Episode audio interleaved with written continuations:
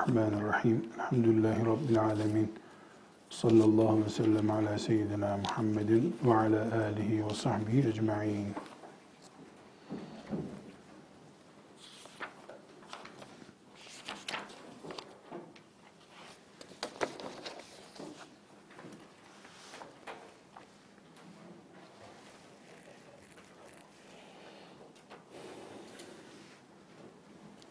Fıkha giriş için fıkhın tarihini ele aldık. Fıkhın tarihinde Resulullah sallallahu aleyhi ve sellemin dönemi şüphesiz birinci dönem olacak. Ee, ilk ayetin inmesiyle beraber fıkıhta başlamış oldu. Çünkü fıkıh Kur'an'ın ve sünnetin yaşanan şeklidir. Dedik bunları zaten biliyoruz. Kur'an'ımızı, sünnetimizin nasıl e, anlaşılacağını sathi bir şekilde ele aldıktan sonra şimdi ikinci döneme geçebiliriz. Yani fıkıh tarihi açısından bir farklılık oluşturan ikinci dönem. İkinci dönem, fıkhın ikinci dönemi Raşid halifeler dönemidir.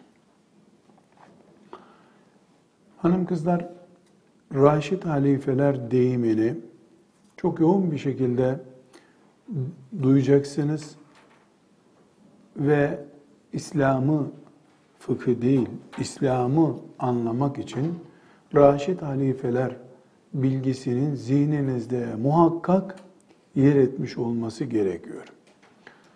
Raşid kelimesi yolda, olgunlukta, kıvamında anlamına geliyor bir insan çocukluk dönemini atlatınca reşit oldu denir. Reşit olmak yani artık adam yerine konmak demek. Raşid halifeler de Resulullah sallallahu aleyhi ve sellemin nübüvvet hariç bulunduğu siyasi konumu ve dini üst makamı temsil eden halifelerin ilk beşine sıralamada değil de ilk beş tanesine verilen isimdir. Dört ile beş arasında da bir nebze fark, isim farkları vardır. Resulullah sallallahu aleyhi ve sellem Efendimizin ilk halifesi Ebu Bekir radıyallahu anh'tır. Sonra Ömer bin Hattab, sonra Osman bin Affan, sonra Ali ibn Ebi Talib radıyallahu anhum cemiyen Bunlar ilk dört halifedirler. Fıkıh tarihi açısından bu ilk dördünü konuşacağız. E, hicretin 11. senesinden 40. senesinde Ali bin Ebi Talib radıyallahu anh'ın şehadetine kadar olan tarihe Raşid halifeler tarihi denir. Daha sonra hicretin 99. senesinde halife olan Ömer bin Abdülaziz rahmetullahi aleyh de Raşid halifelerden kabul edilir. Ulemanın önemli bir bölümüne göre Raşid halifeler denince bu beş isimden söz ediyoruz demektir. Ama fıkıh tarihini irdelediğimizde fıkıh tarihi açısından Raşid halifeler dönemi hicretin 11. senesiyle 40. yılı arasındaki ilk dört halife kastedilir. Şimdi bu dönem Raşid halifeler dönemi aynı zamanda ashab-ı kiramın da yoğun bir şekilde yaşadığı dönemdir.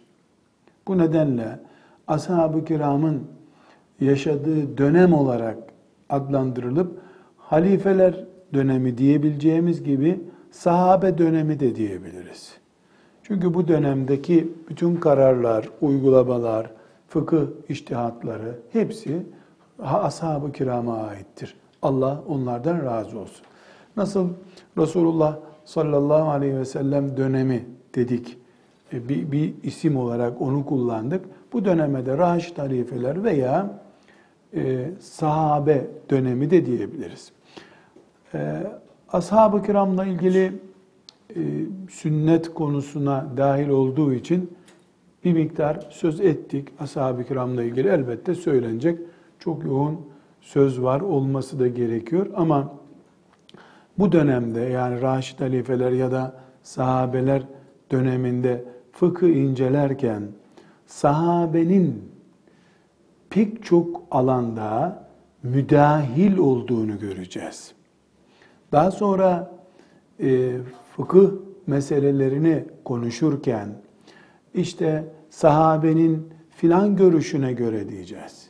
Ömer bin e, Hattab radıyallahu anh'ın filan görüşüne göre diyeceğiz. İşte Ali bin Ebi Talib'in iştihadına göre diyeceğiz. Tıpkı cümlemi çok iyi anlamanızı istiyorum.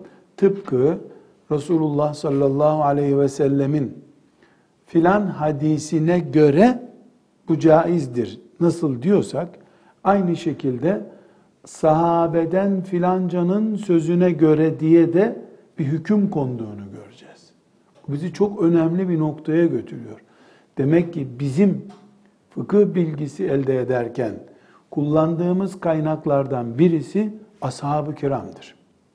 Zira biz sahabenin sözünü, ashab-ı kiramdan birisinin sözünü veya toplu olarak ashab-ı kiramın ittifak ettikleri bir sözü herhangi bir alimin sözü gibi görmüyoruz. Ebu Hanife'nin veya Malik bin Enes'in sözü gibi görmüyoruz. İmam Şafii dedi derken ki e, bakış tarzımızdan çok daha yukarıda sahabenin sözü. Evet, sahabinin sözünü Resulullah sallallahu aleyhi ve sellemin sözü gibi de görmüyoruz. Bizde bir sıralama var. Nedir bu sıralama? Allah'ın kitabı Kur'an, peygamberin sözü sünnet, hadis. Aleyhissalatü vesselam. Bunun dışındaki sözlerden söz ettiğimizde ashab-ı kiramın sözü bütün sözlerin üstündedir. Ashab-ı kiramın sözü bütün sözlerin üstündedir. Müslüman olarak da böyle, genel kültürümüz böyle.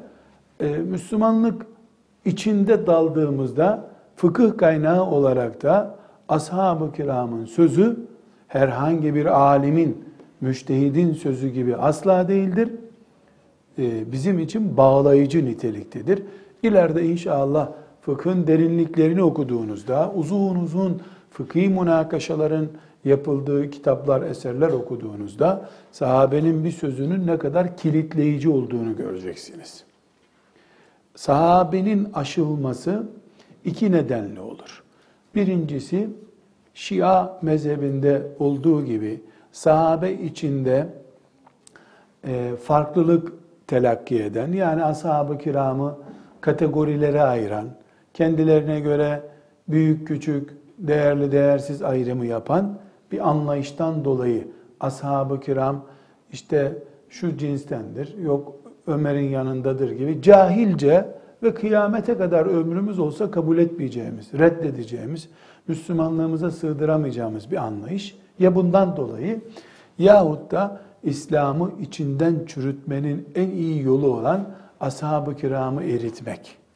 Ashab kalktı mı Kur'an da gitti, sünnet de gitti, İslam da eridi gitti demektir. Bu iki anlayışın dışında bizim için muteber olan ve ümmetimizin büyük bölümünün ittiba ettiği görüş olan ashab-ı kiramı Allah'ın kitabı Kur'an'dan, Peygamber aleyhisselam efendimizin sözleri olan hadislerden sonraki en yetkili söz sahibi görme anlayışı. Bu şekilde inanıyoruz, bu şekilde iman ediyoruz. İnşallah bu şekilde de ölmek istiyoruz. Rabbimizin huzuruna bu şekilde gitmek istiyoruz. Elbette ashab-ı kiramı defalarca vurguladığımız gibi peygamber gibi masum görmüyoruz. Hatalıydılar, büyük hatalar yaptılar, çok yanlış işler yaptılar. Buna rağmen böyle görüyoruz. Çünkü ashab-ı kiramı bir şahıs olarak ele almıyoruz biz. Kitle olarak ele alıyoruz. On binlerce peygamber etrafındaki kenetlenmiş insan olarak alıyoruz aleyhissalatü vesselam. Ama peygamberi şahıs olarak alıyoruz. Mesela peygamberi aleyhissalatü vesselam Muhammed, Abdullah'ın oğlu Muhammed olarak bir insan alıyoruz ama peygamberin etrafındaki ailesini, ehli beytini, bütün saygımız, tazimimiz, tebcilimize rağmen peygamber gibi görmüyoruz. Yani peygamberi şahıs olarak yukarı çıkarıyoruz. Etraf olarak, aile olarak bütün sevgimize, hürmet, saygımıza rağmen peygamber gibi görmüyoruz. E, peygamberin kızı, başımızın tacı, gözümüzün nuru, hürmet, saygı, hiçbir şey diyor. Allah emretmiş saygı göstereceğiz. Hürmet edeceğiz ama peygamber değil. Ashab-ı kiramı birey olarak sıradan bir Müslüman olarak görüyoruz. Kitle olarak başımızın tacı görüyoruz. Hürmet saygıda kitle olarak hürmet saygı ediyoruz. Ashaba leke getirmiyoruz. Ama birey olarak hata etmiş olan, filan günah işlemiş olan, filan yanlışı yapmış olan sahabe vardır diyoruz. Ashab-ı kiram bir şeyde ittifak ettiklerinde bizi Kur'an'dan, sünnetten sonraki bağlayıcı bir ünsur olarak görüyoruz. Birey görüş belirttiği zaman, A, B, C sahabileri bir görüş belirttikleri zaman, eğer başka bir sahabi de görüş belirtmişse, 3-4 görüş ortaya çıkmışsa, ne yapıyor Ebu Hanife rahmetullahi aleyh? Görüyoruz, ediyoruz derken beni veya sıradan bir insanı kastetmiyorum. Bir müçtehit nasıl bakıyor onu anlatıyoruz. Ne yapıyor Ebu Hanife veya Şafii rahmetullahi aleyhime? Bakıyor ashab-ı kiram oy birliğiyle bir şey demişlerse o dinimizdir, imanımızdır diyor. Farklı söylemişlerse Ebu Bekir'den başka bir görüş, Selman'dan başka bir görüş gelmiş ise, Enes'ten başka bir görüş gelmiş ise veya dördüncü, beşinci görüş varsa ne yapıyor o zaman? Hangisi daha kuvvetli, sahih yolla bize geldiyse onu seçiyor. Veya bir tanesini Kur'an'ın, hadisin ana mantığına daha uygun buluyorsa onu tercih ediyor. Sahabeden birini alıyor muhakkak. Bu da neyi gösteriyor? Sahabenin sözü peygamber sözü gibi değil ama peygamber sözünden sonra en değerli söz. Peki neden ashab-ı kiramı bu kadar yüksekten görmek istiyoruz? Neden onları böyle yukarı doğru çıkarıyoruz? Kur'an'dan ve sünnetten sonraki kaynağımız olarak görüyoruz.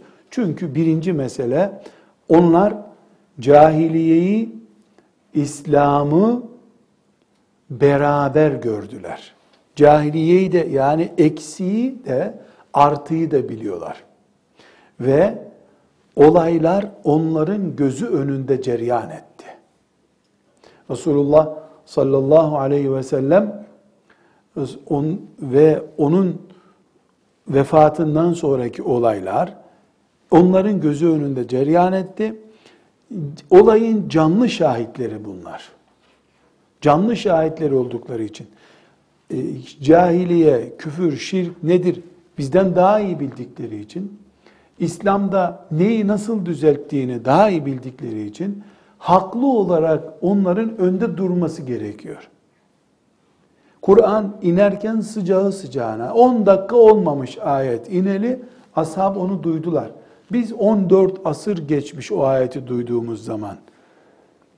Elbette bizim sıcağı sıcağına o ayeti anlayan gibi hemen yanı başında Peygamber aleyhisselamın bir hadisi söylemesi gibi bizim de aynı bilgiye vakıf olmamız mümkün değil. Onlar taptaze bildikleri şeyleri anladılar ve anlattılar. Biz kitaplardan okuduğumuz şeyleri anladık, anlatıyoruz. Elbette aramızda böyle bir fark olmalı. Aramızda derken kendimizi bizi kastetmiyoruz. 1900-2000'li yıllarda yaşamış kimseleri kastetmiyor. Yani sahabe ile hemen sahabeden 50 sene sonra gelen nesil için de geçerli bu. Yani 50 sene sonraki de ashab-ı kiramın bildiğini bilemez, ashab-ı kiramın yaşadıklarını yaşamadı. Hasan Basri alim, takva, zahid ama bir Ebu Bekir'in yaşadıklarını yaşamadı. Ebu Bekir'i görmekten başka bir meziyeti olmadı onun. Bir sonraki biraz daha soğuk. Bir sonraki nesil daha bir sonraki bir sonraki gittikçe geri doğru ne oluyor? Aradaki mesafe büyüyor. Birinci nokta bu. Ashab cahiliyeyi ve İslam'ı beraber gördüler. Olaylar onların gözü önünde ceryan etti. İkinci olarak dinin bir okunan, yazılan şekli var. Bir de maksadı var. Dinin makasıdı var. Bu maksat yani Allah ne istiyor? Bunu mesela e, şu şekilde örneklendirebiliriz. Kur'an'ı ve sünneti okuduğumuzda alkolün Müslümana haram edildiğini görürüz. Alkol haram. Bunu Kur'an'ı okuyan, hadisi okuyan, fıkıh bilen herkes anlar. Ama bir sorunun da cevabı gerekiyor. Nedir bu soru cevabı gerekiyor? Maksat nedir bu alkolün yasaklanmasından? Yasaklandı, itaat ettik. Maksadı nedir Allah'ın bunu yasak? Maksat ne ediyoruz? Gaye, amaç. Ee, elbette bizi çok da ilgilendirmiyor. Yasakladı, yasakladı Allah. Bitti. Yani hesap mı soracağız Allah Teala? Elbette böyle ama bir de bunun makasıdı olması lazım. Bir sırlar dünyası olması lazım. Evet, o zaman diyoruz ki şeriatımızın yani dinimizin bir de makasıdı var. Gayeleri var. Bir makasıd, bu bir ilim dalıdır. Usulü fıkhın bir yan dalı olarak makasıdu şeria isimli bir ilim dalıdır bu. Bilhassa e, Şatibi isimli bir alemin Muvafakat adlı eseri bu konuda ümmeti Muhammed'in içindeki en muteber, en değerli e, kitaptır. İnşallah usulü fıkha dalmak nasip olursa size, nasibiniz varsa usulü fıkıhtan, işte bir bayanın usulü fıkıhtan nasibi nasıl olur? Bir, sebat eder. iki çeyizi kitaptan olur. Üç, ölmeden masamdan kalkmam diye adak yapmış olur. Dört, anası babası ilim düşmanı olmaz. Beş, böyle bir niyeti olur. Altı, ona böyle bir şey nasip olur. Yedi, sekiz, dokuz, on, hepsi kendi, herkes kendini bilir tabi. On, yirmi, otuza kadar say. Ama ilmin bir adamları var, bir de ilimle oyalananlar var. İlmin adamı usulü fıkıh okur. Usulü fıkıh okuduktan sonra Şatibi'nin muvafakatını okur. O zaman ilme başlamış olur. Ondan sonra ilim gelir peşinden. Bu beş sene mi sürer? 75 sene mi sürer? Bilmiyorum. Ahmet bin Hanbel'e ilim ne kadardır diye soru sorulmuş da mezara girene kadar demiş. Mezara girene kadar hala alim olduğunu kabul etmiyor demek ki. Hala okuyor. Rahmetullahi aleyh. Böyleydi bu ümmet ilme girdiği zaman. Şimdi ise 3 ay üzerine fıkıh sertifikası alınıyor. 5 ayda Arapça uzmanlığı. 6 ayda Kur'an uzmanlığı. Zaten Latince harflerden bile bir tefsir okudun mu tefsir dersi vermek hakkın oluyor. Böyle değildi eskiden. Çok zordu. Şimdi kolaylaştı şükürler olsun. Allah'ın adına konuşmak kadar kolay bir şey yok zaten. Allah'ın adına konuş konuşabildiğin kadar hesabını soran yok zannediliyor. Her halükarda makasıdü şeria diye bir ilim var. Makasıdü şeria ne ediyoruz biz? Şeriatın gayesine. Mesela e, bir örnek daha Allah bize namaz kılın diyor. Bu namazla ne demek istiyor? Kılın diyor, tarif ediyor, kılıyoruz. Ama namaz bizi nereye götürmek istiyor? Tıpkı içki örneğinde olduğu gibi, alkol örneğinde olduğu gibi. Alkolsüzlükle ne oluşturmak istiyor? Namazla ne oluşturmak istiyor allah Teala? Yüzde yüz şunu oluşturmak istiyor diyemeyiz. Neden? Çünkü ne istediğini Allah bilir. Bildirmedikçe biz bilemeyiz. Ama derin ilimlere dalmış, ömür bu uğurda ömür feda etmiş, kitaptan, defterden çeyiz dişmiş insanlar, servet mobilyasını kitaptan kurmuş erkekler, bir şeyler anlıyorlar bundan. Kıyamete kadar da anlamaya devam edecekler. Bu anlamanın neticesinde de bir makasıdü şeria diye bir ilim çıkıyor ortaya. Ashab-ı kiram Allah'ın ve peygamberinin aleyhissalatü vesselam neyi, ne için emrettiğini kıyamete kadar bütün Müslümanlardan daha iyi biliyorlardı. Çünkü olayların içindeydiler. Allah'ın gayesini, maksadını, peygamberin maksadını onlardan iyi birisi, birisinin bilmesi hiç mümkün değil. Hiç hiç hiç böyle bir kimse iddiada bulunamaz zaten. Allah onlardan razı olsun. Dolayısıyla onlar bir görüş belirttiklerinde bir konuda, bir iştihatta bulunduklarında e, ashab-ı kiram haklı olarak herkesten önce konuşma sahibidirler. Çünkü makasıd şeriayı Yani Allah neyi niye emretti, peygamber neyi niye konuştu herkesten iyi biliyor. 23 yıl talebe olarak yanında Cebrail bulunan Resulullah'ın yanında duran Ali bin Ebi Talip'ten önce kim bilebilir şeriatın neyi neden istediğini? 3 sene 5 sene bir fakültede okumakla anlaşılacak bir şey midir? Ali'nin anladığını anlamak Allah ondan razı olsun. 23 yıl ne diyor? Hangi ayet, nerede, niçin, ne zaman indi ben bilirim onu diyor. Allahu Ekber. Binlerce ayet. Ne zaman indi, nasıl indi, niye indi, peygamber ne yorum yaptı bu ayet hakkında bilen Ali bir şey söyleyecek radıyallahu anh ve bu birinci dereceden bir söz olmayacak. Böyle Müslümanlık olur mu ya? Uyduruk bir A4 kağıdına diploma diye bir şey yazıyorlar. Sildin mi o diplomayı bir işe yaramıyor. Üstünde diploma yazdığı için, senin de ismin yazdığın için değerli oluyor. Konuşma hakkın oluyor. E, Cebrail onaylı bilgilerin olacak ve o değerli olmayacak ya da sen ondan önce konuşabileceksin. Buna akıl denmez. Buna Müslümanlık da denmez aslında. O yüzden ashab-ı kiram makasıdü şeriayı herkesten iyi bilir. Bilmeleri de normal zaten. Herkesten önce de konuşmalıdırlar.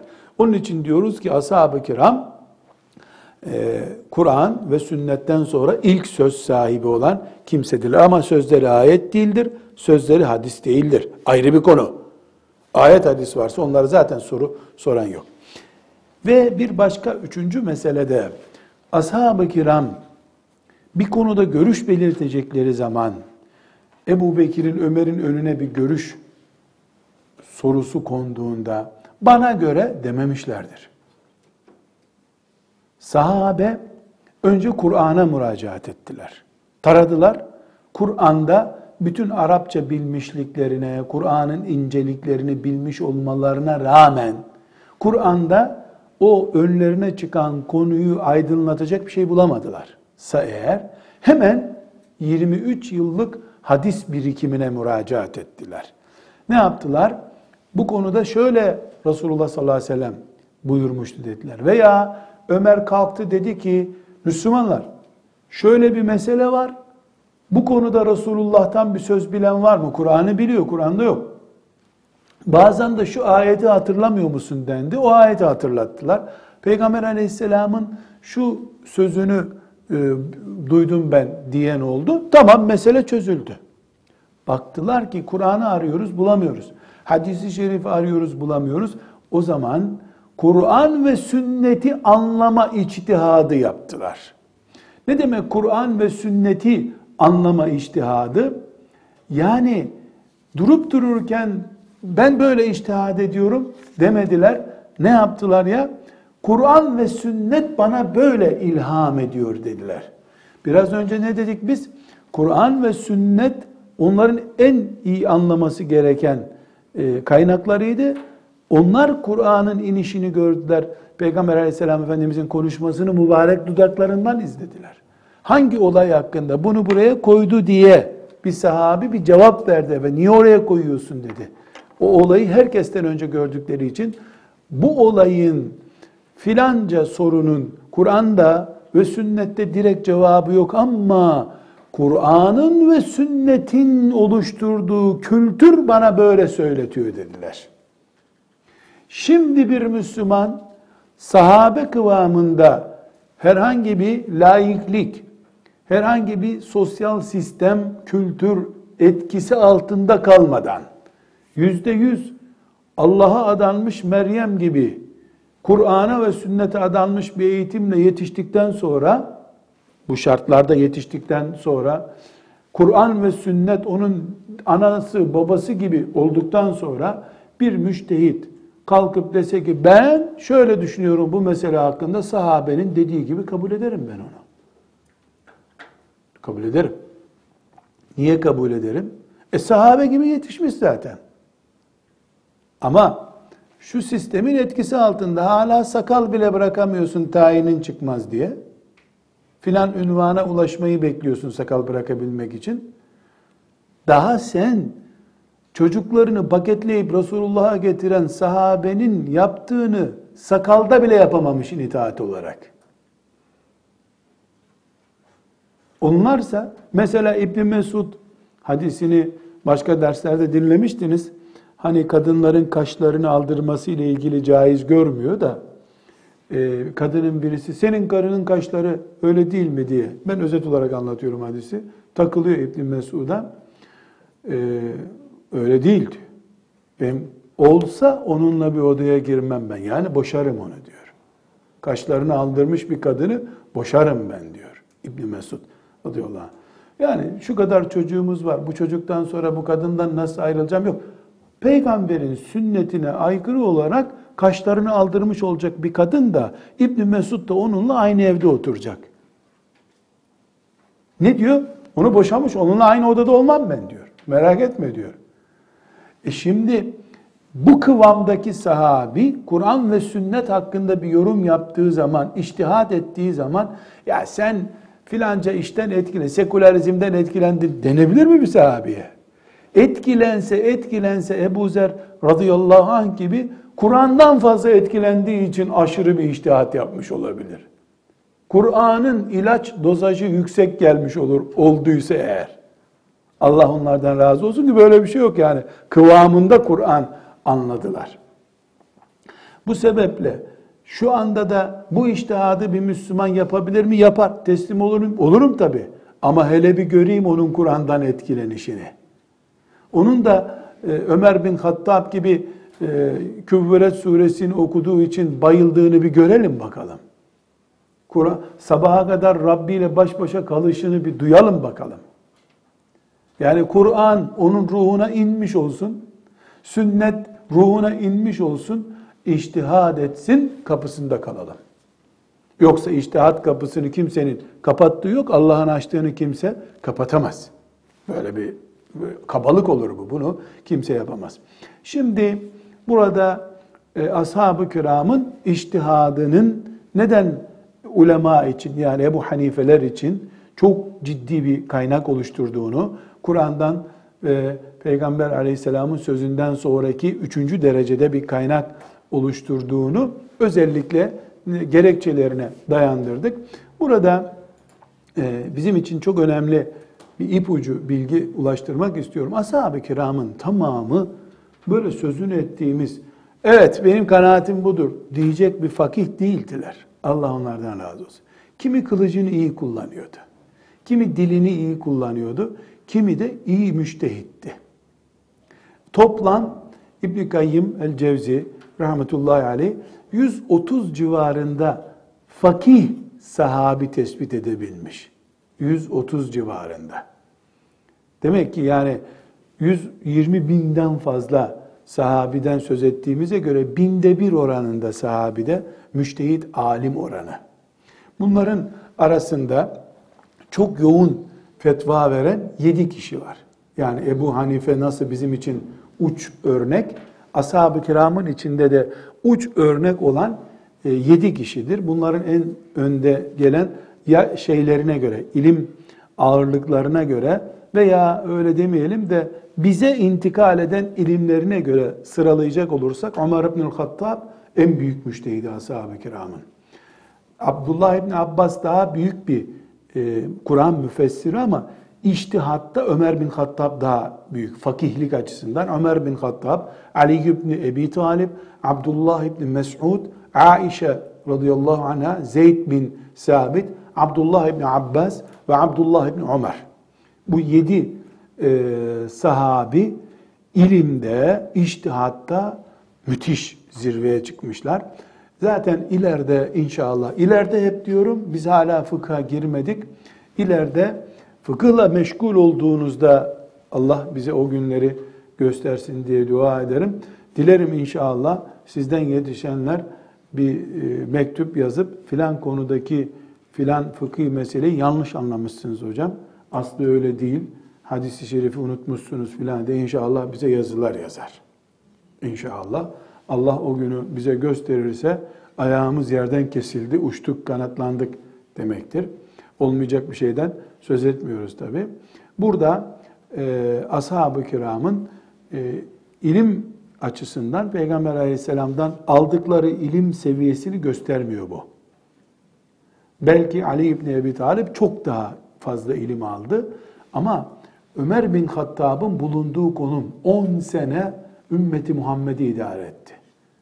Kaç devlet çöktü, İslam'a girdi onun döneminde. Büyük olaylarla karşılaştı Ömer bin Hattab.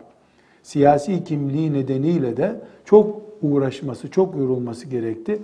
Yoksa Kur'an ve hadis ilmi açısından Ali bin Ebi Talip Ömer'den çok daha üstündür. Ama Ali radıyallahu anh'ın konuşmaya fırsatı olmadı. Yani Efendimiz sallallahu aleyhi ve sellemin sağlığında zaten kimse konuşmuyordu. Ondan sonra Ali bin Ebi Talip 5 sene ümmetin başında kaldı. Fakat ümmetin dağılmasını önlemek için geçen bir mücadele. Yani bir oturup ilmi bir meclis kurmaya vakti olmadı Ali bin Ebi Talip radıyallahu anh. Cennette o sohbetlerine devam edecek inşallah.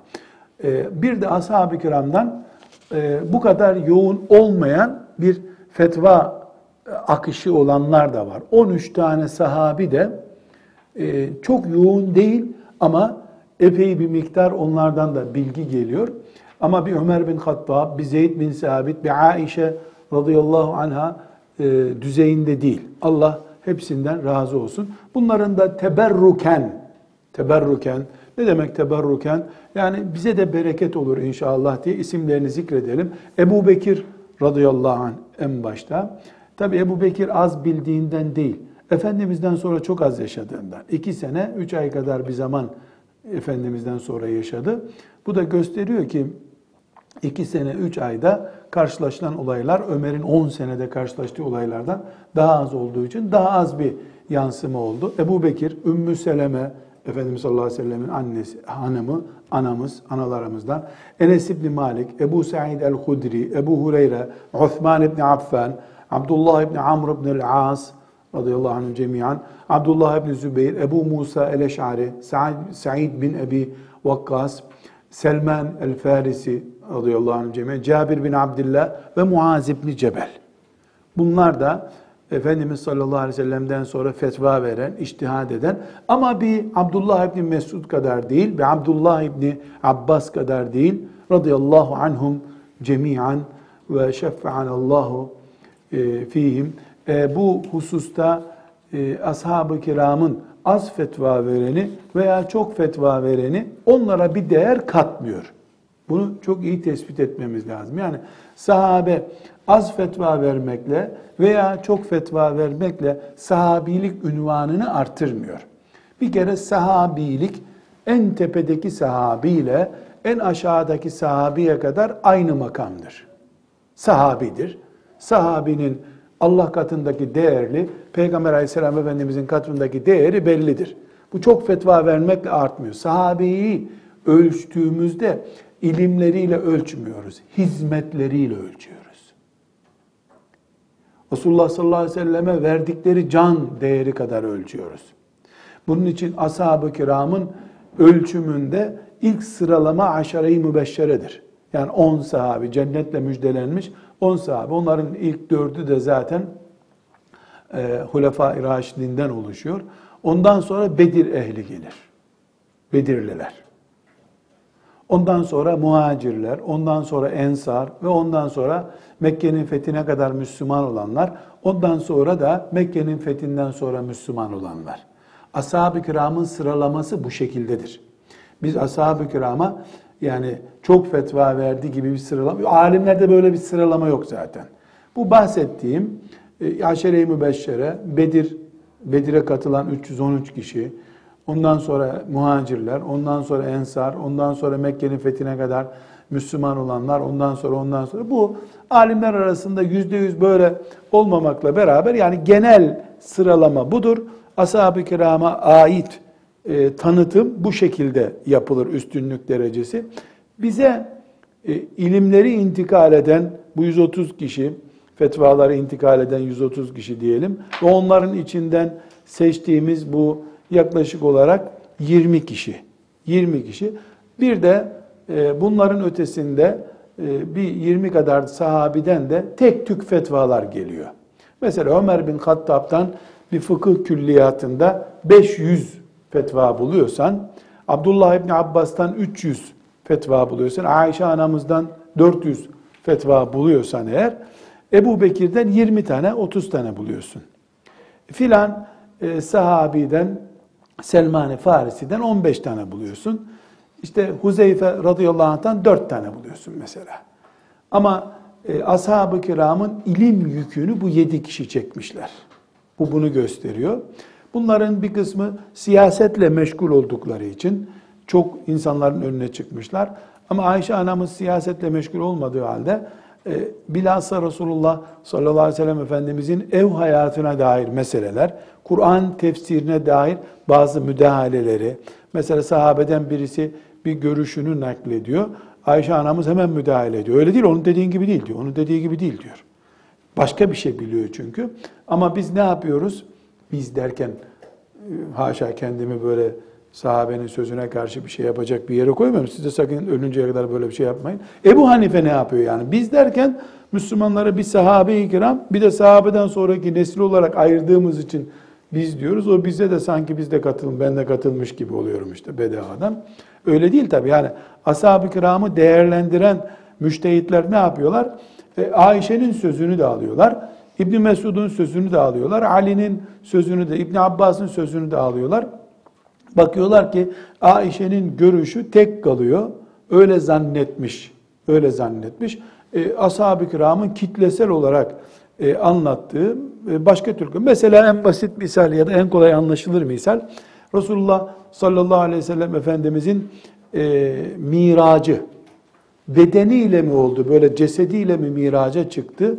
Yoksa ruhuyla mı çıktı? Yani Mekke'deydi de ruhu gitti semavata geldi öyle mi oldu? Bunun ikisi de mümkündür. Ama e, miracın e, İsra bölümü yani Kudüs'e kadar olan bölümünü götürdük Allah Teala diyor. Demek ki cesediyle oldu oraya kadar. E, bir sürü böyle farklı görüşler var. Ayşe annemizin tek başına bir görüşü var. O da işte şöyle oldu diyor. E, ulema bunu değerlendirirken Ayşe o zaman daha bebekti diyorlar. Çocuktu. Çocuk ne anlayacaktı Miraç nasıl oldu? Peygamberin evine sonra geldi. Büyük ihtimalle sordu. Nasıl gitmiştin? Sorduğuna dair de bir bilgi yok elimizde. E, diğer Ebu Bekirlerse onların yaptıkları rivayetler daha canlı. Onların anlayışı bizim için daha muteber diyor. Burada miracı nasıl yaptığı açıklamak için konuşmuyorum bunu. Yani değerlendirme yaparken fukaha e, alıyor, önüne bir e, karine dediğimiz yandan destekler çıkar. İşte o o zaman küçüktü, şu şöyle anladı, bu böyle anladı diyor. İlim de budur zaten. Daha doğrusu sofrada yenmiş e, meyvelerin kabukları bize kalmış. O kabuklarından da böyle bir sonuç ortaya çıkarıyor fukaha veya onlarla e, direkt irtibat kurmaya çalışan müştehitler. Allah onlardan razı olsun. Tekrar bu konuyu toparlıyoruz. Dedik ki e, hicretin 11. senesinden 40. senesine kadar 11. sene neyi gösteriyor? Resulullah sallallahu aleyhi ve sellemin Rafik-i A'la'ya yükselmesini gösteriyor. Yani vefatını gösteriyor. 11. seneden Ali bin Ebi Talip radıyallahu anh'ın vefatı olan 40. seneye kadar olan zaman bu 30 senelik zaman Raşid halifeler dönemidir. E, fıkıh açısından değerlendirildiğinde de bu ikinci dönemi oluşturuyor. Fıkhın ikinci dönemi oluşturuyor.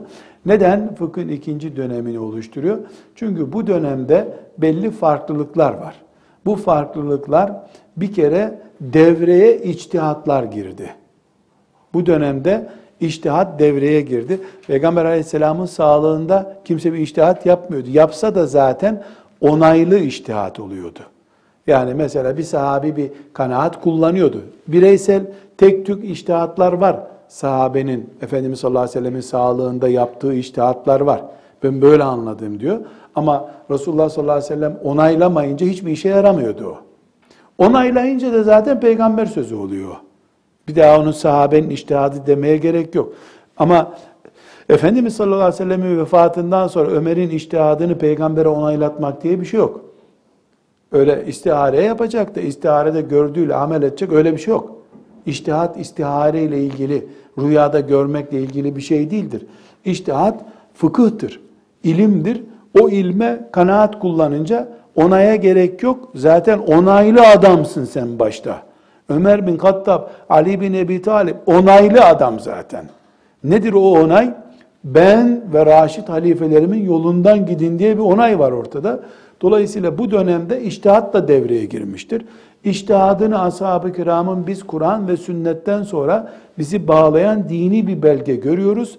Neden dini bir belge görüyoruz? Biz derken gene bak ben kendimi kastetmiyorum. Bu zamanın insanını da kastetmiyorum. Ebu Hanife'yi kastediyorum. Ahmet bin Hanbel'i kastediyorum. E, veya diğer Taberi'yi kastediyorum. Yani müştehitler bunu din olarak algılıyorlar. Neden?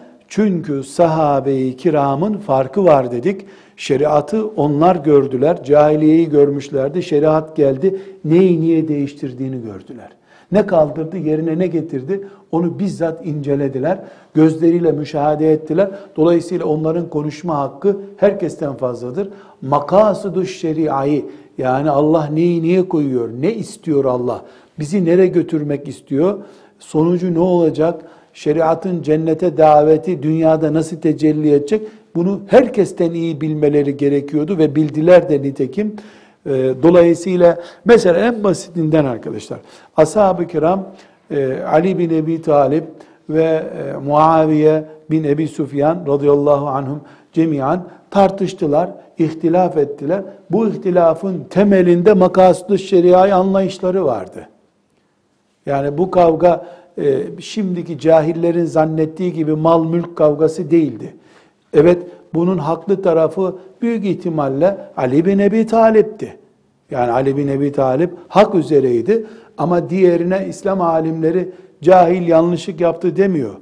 Makasdı şeria üzerinden bir kavga yapıldı. Yani burada Müslümanın göstermesi gereken tavır şudur, öbürü de hayır öyle olmaz, bu tavır böyledir diye bir taraf koydu. Bu makasıdü şeria yani Allah'ın şeriatından ne istediğini anlama uğruna birbirine kılıç bile çektiler. Bu meseleyi bu şekilde neyin örneği veriyorum? Yani ashab-ı kiramın dini, dinin özünü anlama hakları ve realiteleri gerçekten de öyle olmaları bir hakkın tecelli etmiştir. Netice olarak biz ashab-ı kiramın döneminde fıkıhta böyle bir gelişmeyi e, müşahede ediyoruz. Bu gelişme e, gerçekleşti. Ashab-ı kiram ciddi bir şekilde Allah'ın razı olacağı e, işleri becerdiler. Biz burada bu becerikliklerini hürmetle, saygıyla karşılıyoruz. Allah razı olsun çok iyi yaptılar diyecek kadar basit görmüyoruz bunu. Dindir diyoruz.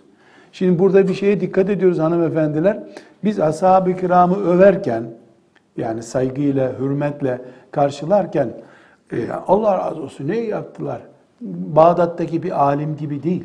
Kur'an ve sünnetten sonraki bir belge gibi kullanıyoruz ashab-ı kiramı. Buna çok e, dikkat etmemiz gerekiyor. Burada e, bile bile bir başlık açmış olduk. Ashab-ı kiram ihtilaf ettiler dedik. Peki ihtilaf niye ettiler ashab-ı kiram? E, bunu değerlendirmemiz lazım. E, birincisi ashab-ı kiram e, bir kere e, ittifak ettikleri şey ihtilaf ettiklerinden çok fazla oldu. Evet, ashab-ı kiram ihtilaf ettiler. Tek kelime halinde değillerdi. Dinin yapısı zaten. Resulullah sallallahu aleyhi ve sellemin onlara bıraktığı din bilgisi ihtilaf etmeyi gerektiriyordu. Hareketli, esnek ve bütün zamanlarda heyecanlı ve canlı olan, ivmesi yüksek bir din bıraktı Resulullah sallallahu aleyhi ve sellem. Ee, dolayısıyla ashab-ı kiram o dini diğer peygamberlerin ümmetlerinin yaptığı gibi dondurmadılar. Hareket haline getirdiler. Bu hareket biraz önce verdiğim örnek gibi onları bir tür tartışmaya, o tartışmada bir tür savaşa kadar bile onları götürdü. Çünkü ihtilaf her şeyden önce insan yapısının temel karakteridir. Bir evde bile yüzde yüz ittifak sağlanması mümkün değildir. İnsanlar eş oldukları zaman bile ihtilaflı olurlar, olabilirler. Ana baba çocuk oldukları zaman da olabilirler, olmalıdırlar da herkes haddini, hududunu bilmek şartıyla. Abartmamak şartıyla. Bu bir kere e, ihtilafları yani yüz mesele varsa dinle ilgili, yüz konu varsa şu anda yüzün doksanında ihtilaf ediyoruz biz. Ashab-ı kiram onunda ihtilaf ettiler. İhtilafı doğallığında bıraktılar. İhtilafı ekolleştirmediler. Mezhepleştirmediler. Doğal bir ihtilaf. İşte bahsettiğim gibi dinin yapısından kaynaklanan, Resulullah sallallahu aleyhi ve sellemin bıraktığı dinin özünde kaynaklanan ihtilafı kullandılar. Ee, ve abartılı bir ihtilaf olmadılar. Neden olmadılar? Bir, şurayı çok iyi değerlendiriyorlardı. Bir mesele önlerine çıktığında onu hemen istişare konusu yapıyorlardı. İkincisi, e, genellikle ashab-ı kiram Medine'de yaşıyorlardı. Büyük bölümü. Hele Ömer bin Hattab'ın e, vefatına kadar onları Medine'nin dışına çıkarmıyordu. Siz Resulullah'ın emanetisiniz, beni yalnız bırakmayın Medine'de diye bir anlayışı vardı. Burada ki bu Medine'de yaşamaları da hep bir arada olmalarından bir konuda görüş belirtiyor. Yanlış düşünen geri alıyor. Ee, ne diyecekleri konusunda birbirlerine itimat ediyorlar. Medine'de olmaları bir rahmet oldu. Ve en önemli üçüncü noktada ashab-ı kiram ben böyle düşünüyordum yanlışmış sözümü geri aldım demeye hiç utanmadılar hiçbir zaman. Bir sürü sözünü geri alan oldu. Ben böyle biliyormuşum Allah affetsin bu sözümü geri aldım dediler. Dolayısıyla küçük bir ihtilafı senelerce tartışıp durmadılar. Yanlış bilen yanlışını geri aldı. Ömer bin Hattab kalktı mesela e, filan konuda şöyle düşünenler varmış. E, sakın bir daha böyle düşünmesinler uyarıyorum dedi. Peki dedi diğeri. Yani büyüğe hürmet ettiler. Aliminin önünde konuşmadılar. Bu da ihtilaf ettiler ama ihtilafını asırlarca sürdürmediler gibi bir mantık getirdi beraberinde. Burada e, 130 sahabi alimdi. Onlar derin bir ilim anlayışında sahip oldular. E, işte ondan sonra ashab bizim için örnek oluyor. E, ashab-ı kiram ihtilafı derinleştirmediler gibi konulara e, bir cevap vermemiz lazım bizim. Yani bu cevap da ashab farklı bir insan mıydılar? Ashab-ı kiram yemiyor, içmiyorlar mıydı? Ashab-ı kirama sonra gizli gizli vahiy mi geliyordu? Gördükleri rüya din miydi? Yani nedir ashab-ı kiramı sonraki nesillerde olmayıp onlarda o, olur yapan şey? Dedik ki dini anlamalarında üç farklılık zikrettik. Yani ne dedik? Elbette onlar cahiliye İslam'ı yaşadılar. Makasüdü şeriayı iyi biliyorlardı vesaire sebep saydık. Ama bir de genel olarak ashab-ı kiramı bir kitle şeklinde de düşünmemiz gerekiyor. Bir sonraki derste de bu farklılığı konuşalım. Velhamdülillahi Rabbil Alemin.